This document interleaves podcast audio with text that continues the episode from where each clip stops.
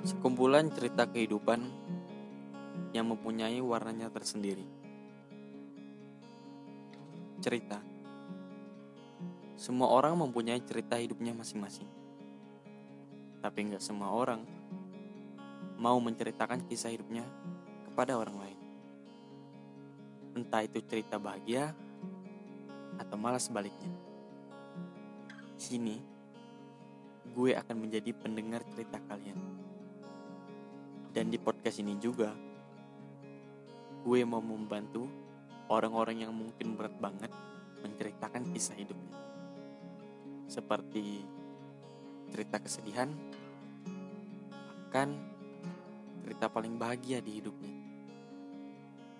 Jika kalian tidak mempunyai tempat untuk bercerita, gue akan menjadi salah satu tempat di mana bisa menceritakan kisah hidup kalian.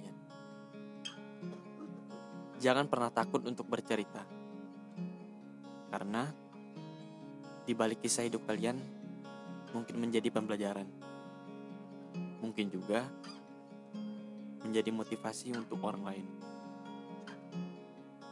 Selamat datang di Sejenak Bercerita Podcast bersama gue, Moskai.